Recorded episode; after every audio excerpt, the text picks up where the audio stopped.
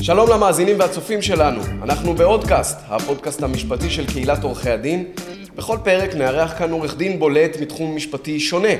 והיום נמצאת איתנו עורכת הדין יפית לבון, בעלת משרד המתמחה בתחום חדלות פירעון, חובות ודיני משפחה. תחום מעניין. היום אנחנו נשוחח איתה על חדלות פירעון ונתמקד בעיקר בהליך החדש ובאיך ניתן לקצר אותו כדי שלא ייארך מעבר ל-36 חודשים.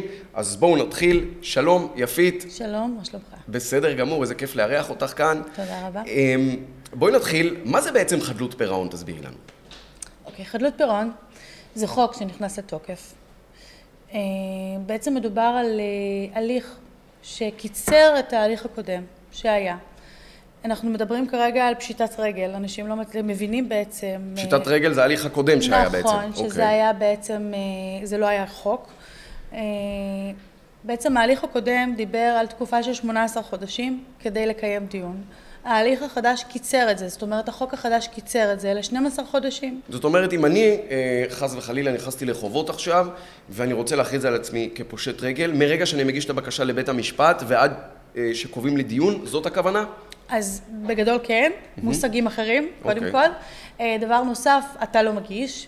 מאחר ובאמת באמת חשוב לציין שהמון אנשים לא מצליחים להבין את המשמעות, אה, מה הגובה החובות שצריך כדי להיכנס להליך עצמו.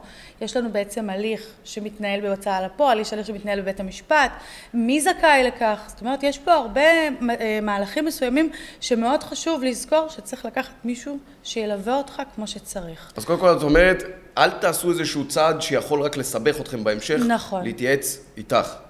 קודם כל כן. קודם איתך. ויש עוד הרבה מעולים בתחום, כן. אוקיי. אבל כן, מאוד חשוב, כי אנחנו מדברים על חוק שבסופו של יום יכול, כמו שבאותה נשימה הוא עוזר לך, הוא גם יכול לכבול אותך. ולאו דווקא אתה צריך אותו. יכול לקרות מצב שבו החובות שלך יהיו נמוכים, ובסופו של יום יש אפשרויות אחרות כדי לצאת מהברוך, מהסיטואציה שנקלעת אליה, ולאו דווקא בהליך של חדלות פירעון.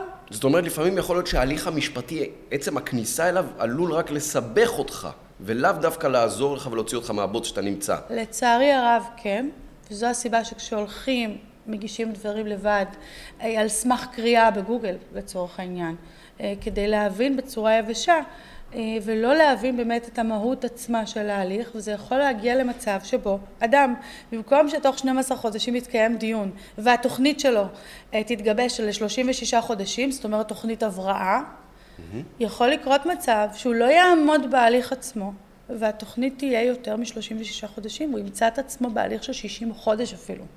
ולכן מאוד חשוב לעשות את זה בצורה נכונה ומדויקת, כי גם לא, לא שכחתי לציין שישנן חובות, אה, ישנם חובות שלא נכנסים להליך.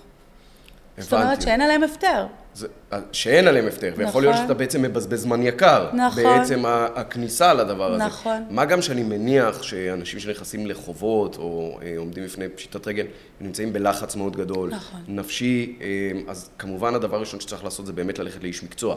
נכון. שיסביר לך איך, איך להתנהל חשוב. בזה. אמ, המדינה לדעתך מקלה על האנשים האלה עכשיו במצב הזה, או שההליך הזה דווקא אה, אה, מקשה עליהם? אז קודם כל, לשמחתי הרבה, המדינה מאוד מקלה, והיא הוסיפה עוד סוגים של הליכים כדי להקל על חייבים, לאו דווקא בחדלות פירעון. אה, כדי לעזור לאותו חייב למצוא דרך אחרת עם חובות שהם יותר נמוכים. אה, בעניין חדלות פירעון, כן, יש התחשבות, אי אפשר להגיד שלא, גם יש אה, בהליך עצמו את האפשרות עצמה של שינוי נסיבות, שזה מדהים. זאת אומרת שאדם שנקלע אה, לסיטואציה, נקבעה לו תוכנית, תוכנית הבראה, ובשלב מסוים... הוא אה, לא יכול לעמוד בזה. קרה מצב מסוים של שינוי נסיבות, ניתנת האפשרות להגיש בקשה, וזה קרה לי לא פעם ולא פעמיים, שחייבים גם קיבלו הפטר לאלתר באותו רגע של השינוי נסיבות. זאת אומרת שזה לא שחור או לבן בהליך הזה, שזה כבר מדהים. אז, אז כל העניין אז אולי זה לזהות בזמן אה, ולעשות את הצעד הנכון, אם זה מה שאני מבין. הדבר הכי חשוב הוא כן. לקחת איש מקצוע שילווה אותך באמת לכל אורך ההליך, עד לקבלת ההפטר ביד. זאת אומרת שלא יזרוק אותך אחרי דיון ויגיד לך זה מה יש, כי באמת יכול לקרות שינוי נסיבות. חלילה תאונת דרכים, חלילה מחלה, הרבה דברים יכולים לקרות. וזה משנה את הנסיבות מאותו רגע, שזה יכול להגיע למצב של מאות אלפי שקלים. יש פחות. הבדל, קודם כל זה מאוד משמעותי מה שאת אומרת, יש הבדל אבל אה, בין אה, עסק גדול לעסק קטן, לדוגמה אם הייתה לי, סתם אני זורק, אה, מאפייה, או שהייתה לי עכשיו, אה, או שהיה לי עכשיו מפעל גדול לברזל, זה משנה מבחינתי החוק והגישה אליו, מתי ללכת בדרך הזאת? זה קצת בעייתי מהבחינה, מבחינה אחת, מבחינת יכולת ההשתכרות שלך. Mm.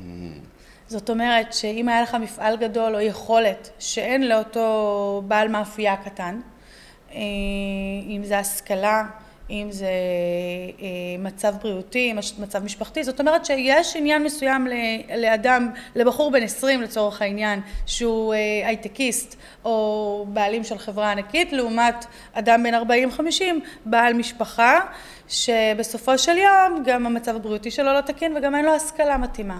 אז זה מבחינת הצו תשלומים. בטח, אלו הפרמטרים שבאמת צריך להבין אותם ולמדוד אותם, וזה משפיע גם על הטווח הרחוק, נכון? נכון. על כל ההסדר הזה. על כל הצו תשלומים האיטי שקובעים לך ב-12 החודשים עד לדיון, וגם לאחר מכן בתוכנית ההבראה. יש לכך משמעות עצומה. ולכן גם חשוב הדגש באיך בעצם מציגים את זה. לגבי אה, שנות לימוד, לגבי השכלה, לגבי אה, מצב בריאותי, תא משפחתי אם יש או אין. אם האישה עובדת, הילדים בני כמה הם, זה משפיע? כן, מאוד חשוב. לגבי העניין של האישה, לרוב כשבעצם אדם... הנחתי שהגבר הוא זה שפשט את הרגל, סליחה. נכון. אבל יכול להיות שגם האישה... הרוב זה קורה, ובדרך כלל זה גם נגרר, האישה נגררת... הרוב אנחנו כאילו אשמים. עושים את הטעויות, כן, אשמים. אשמים בהכל. אשמים, חד כן. משמעית. בכל מקרה, מה שחשוב זה להבין שכשהתא המשפחתי, לאו דווקא היחיד, אלא בעצם התא המשפחתי צריך להתגייס, זאת אומרת שיש גם חובה לאישה לצאת לעבוד. הרי בסופו של יום, אם המשפחה מבקשת מהמדינה להכיר בה כמישהו שבעצם נפל, קרס, ורוצים בעצם לעזור להם לצאת מהמצב אליו הם נקלעו, יש חשיבות שהאישה גם תצא לעבוד. אי אפשר לבוא ולהגיד אני לא עובדת, אלא אם עוד פעם יש מצב בריאותי, וגם מצב בריאותי, יש לשים לב, זה לא כל uh, נפילה. כן. זאת אומרת, יש חשיבות, האם יש רופא תעסוקתי, האם ביטוח לאומי בתמונה. זה, זה, זה נורא רחב. זה, אה, אני אשאל שאלה קצת, אה, שאלה מעניינת. אם הבעל והאישה עובדים באותו עסק, כן. שקרס, כן. איך, זה, איך זה בעצם אה, משפיע על כל ה... ושניהם קרסו? שני, הם עובדים באותו, יש להם עסק משותף שנפל. עכשיו, גם הבעל וגם האישה mm-hmm. נכנסו למצב של חובות מאוד גדולים. אז קודם כל יש חשיבות לעניין של חובות ביחד ולחוד. Mm-hmm. זאת אומרת, שאם הגבר חייב לבנק, וזאת, והאישה חתומה על ערבות או חייבת יחד איתו, יש לכך חשיבות. הרי בסופו של יום הנושה ייפרע גם מפה וגם מפה, הוא יקבל כספים גם מפה וגם מפה. יש לכך חשיבות מאוד עצומה לגבי הצו התשלומים. לרוב אישה יש לה בעצם משרה יותר נמוכה מגבר בגלל העניין של קטינים, ילדים. אז הסכום החודשי שהיא תשלם יהיה יותר נמוך מהגבר, אלא אם היא משתכרת יותר מהגבר. אילו חובות אינם ברי הפטר בעצם? אז כך, החוב הראשון שאינו בר הפטר זה חוב מזונות. למרות שבית המשפט אה, מספר רב של פעמים ראה לנכון כי חוב מזונות עבר אה, לפתור אותם בעצם. נכנס להפטר, נכנס כחלק בלתי נפרד מההפטר, זאת אומרת שאין צורך לגבר להמשיך ולשלם או לסחוב את זה על גבו, את העניין של המזונות. אבל זה מקרים אבל, חריגים. אבל זה רק גם בטח אם האישה מצליחה להתקיים בזכות עצמה, לא, נכון? אנחנו מדברים פה על חוב עבר. 아, יש לשים לב שיש חוב עבר ויש mm-hmm. מזונות uh, שוטפים. מזונות שוטפים זה משהו שאף בית משפט לא ייתן לכך פטור. לא ייתן פטור. לא, ממש לא, זה משהו שצריך להתמודד בפני בית משפט לעניין המשפחה. אם הגבר רואה לנכון שהוא לא צריך לשלם בעצם את המזונות, שיתמודד שם. אבל זה גם משהו שאם אני פושט רגל, mm-hmm. או uh, עכשיו uh, מגיע לחוק החדש, אני גם צריך לקחת בחשבון. כאילו, ש... כל פרמטר אני צריך לקחת בחשבון עכשיו. ללא ספק. לשמחתי הרבה, אגב, בהליך החדש, כן. מקלים יותר על, על הצד השני כשיש בעצם פסק דין מזונות. זאת אומרת שכבר בית המשפט בא וקובע, הממונה, סליחה, קובע שהתשלום החודשי לכלל הנושים, בוא נגיד הוא 500 שקלים, ואת המזונות יש לשלם לפי הסכום בהתאם ליכולת שלך, או לחלופין, לפי מה שנקבע בבית המשפט כפסק דין.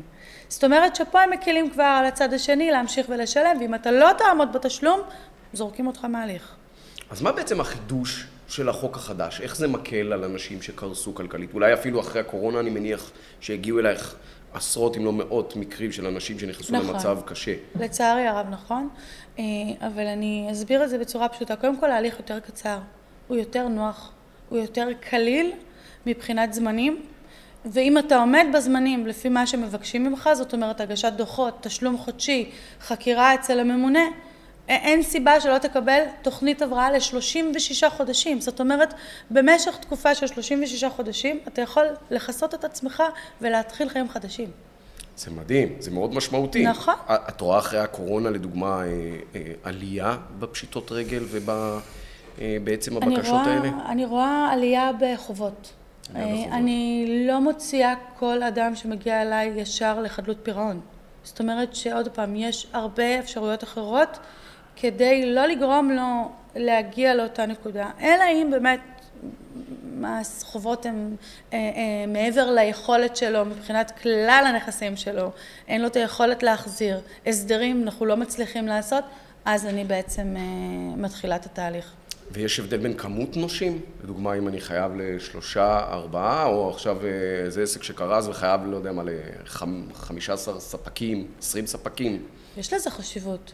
בסופו של יום, אם יש לך שלושה אה, נושים שאתה חייב להם כספים, יותר קל לבוא בעצם נושה נושה ולנסות להגיע איתו להסכמות. יותר קל ללכת ולעשות צו תשלומים בהוצאה לפועל ולבקש פריסה של 500 שקלים לחודש או לכל, לכל העניין, לכל, לכל היותר 48 חודשים בהתאם לחוק החדש אה, ולאפשר לך לפרוס את התיק הספציפי הזה ולא להיכנס לחדלות פירעון. כשמדובר ב-20 נושים, קצת יותר בעייתי. אז מה בעצם אולי שלושת הדברים ככה, אה, מי שמקשיב לנו, מאזין לנו וצופה בנו, מה הם שלושת הדברים אולי הכי חשובים שאת חושבת ש, ש, שצריך לקחת בחשבון אם אתה חס וחלילה מגיע למצב שאתה לא יכול להחזיר את החובות שלך? אז קודם כל הדבר החשוב ביותר זה לא להתעלם, לא ממכתבים, לא מטלפונים. זה חשוב מאוד. מאוד, מאוד. אנשים לא מצליחים להבין את המשמעות שכשאתה מתעלם, זה, זה לא בורח, זה לא נעלם. באותה נשימה, תוך חודש יש לך עיקול על חשבון הבנק. ואז אתה גם לא יכול לשלם אפילו את השכר דירה, ואז זה גורר, גורר עוד ועוד חובות. וואו, אתה נכנס לאיזה כדור של... נכון, ו- וזה שאתה תשים... לטפל מיידית בבעיה. ברור. אוקיי, מה הטיפ השני? הטיפ השני, אה, זה קודם כל באמת ללכת למישהו שהוא מתמחה בתחום. שהוא מבין, אה, שהוא ילווה אותך למקום הנכון ביותר. ושוב אני חוזרת, זה לא מחייב שזה יהיה חדלות פירעון. זה יכול להיות כל דבר אחר שממקום של אה, התנגדות מאחר ונגנבו לאדם, נגנבה הזהות שלו אה, ובסופו של יום צריך אה, להתנגד ולבוא ולהוכיח שבאמת זה לא הזהות של אותו אדם אה, וזה לא החוב שלו אה, ועד לכדי מצב של צו תשלומים או הודיה בחוב. יכול להיות גם שאני איזשהו עסק שקרס בעקבות חוב שצריך להגיע אליי אולי, או חוב של ספק אחר, שגם הוא קרס ואז הוא גרר אותי איתו. ללא ספק. גם מקרים כאלה יש, וכשאתה בעצם מגבה את כל הסיפור שלך בתצהיר, אז בתצהיר עצמו אתה מספר את הסיפור, והרבה פעמים גם בית המשפט נותן לך את האפשרות לך תתבע, אני נותן לך את הסמכות ללכת ולתבוע, אתה מוסיף בעצם, מוסיף את המנהל המיוחד ואת הממונה כמשיבים פורמליים להליך, והם יודעים מה קורה בתיק, זאת אומרת זכית בכספים, זה יעבור לנושים שלך, וזה דבר מדהים בעיניי, כי בעצם אתה מקבל את ההזדמנות להחזיר את החובות שלך בזכות חוב שמישהו אחר חייב לך. מעניין, וגם אה? חשוב, כי אני מניח שגם זה, אחרי הקורונה, אה, בעצם זה יצר איזושהי אה, קריסה של עסקים אה, ושל אנשים. אז קודם כל, אני חושב שהדבר הכי משמעותי שלקחנו מהשיחה הזאת זה בעצם להתייעץ עם מומחה, לא להיכנס לתחום הזה לבד, יש כל כך הרבה פרמטרים שיכולים לעזור לכם, לשחק לטובתכם. דבר שני, לא להתעלם. אם מגיע לי גם הדוח חנייה, אז אני מתעלם ממנו, חשוב. אני קורע אותו, אני זורק אותו, אז לא לעשות את זה. אמ, ובעיקר, באמת, צריך להבין איך ניגשים אה, למצב הזה, נכון? נכון. יופי, היה כיף לארח אותך. תודה רבה לעורכת הדין יפית לבון, בעלת משרד שמתמחה בתחום חדלות פירעון, חובות ודיני משפחה. בהחלט שיחה מרתקת עם המון מידע חשוב ופרקטי. אנחנו נתראה כאן בפרק הבא של אודקאסט, הפודקאסט המשפטי. תודה ולהתראות.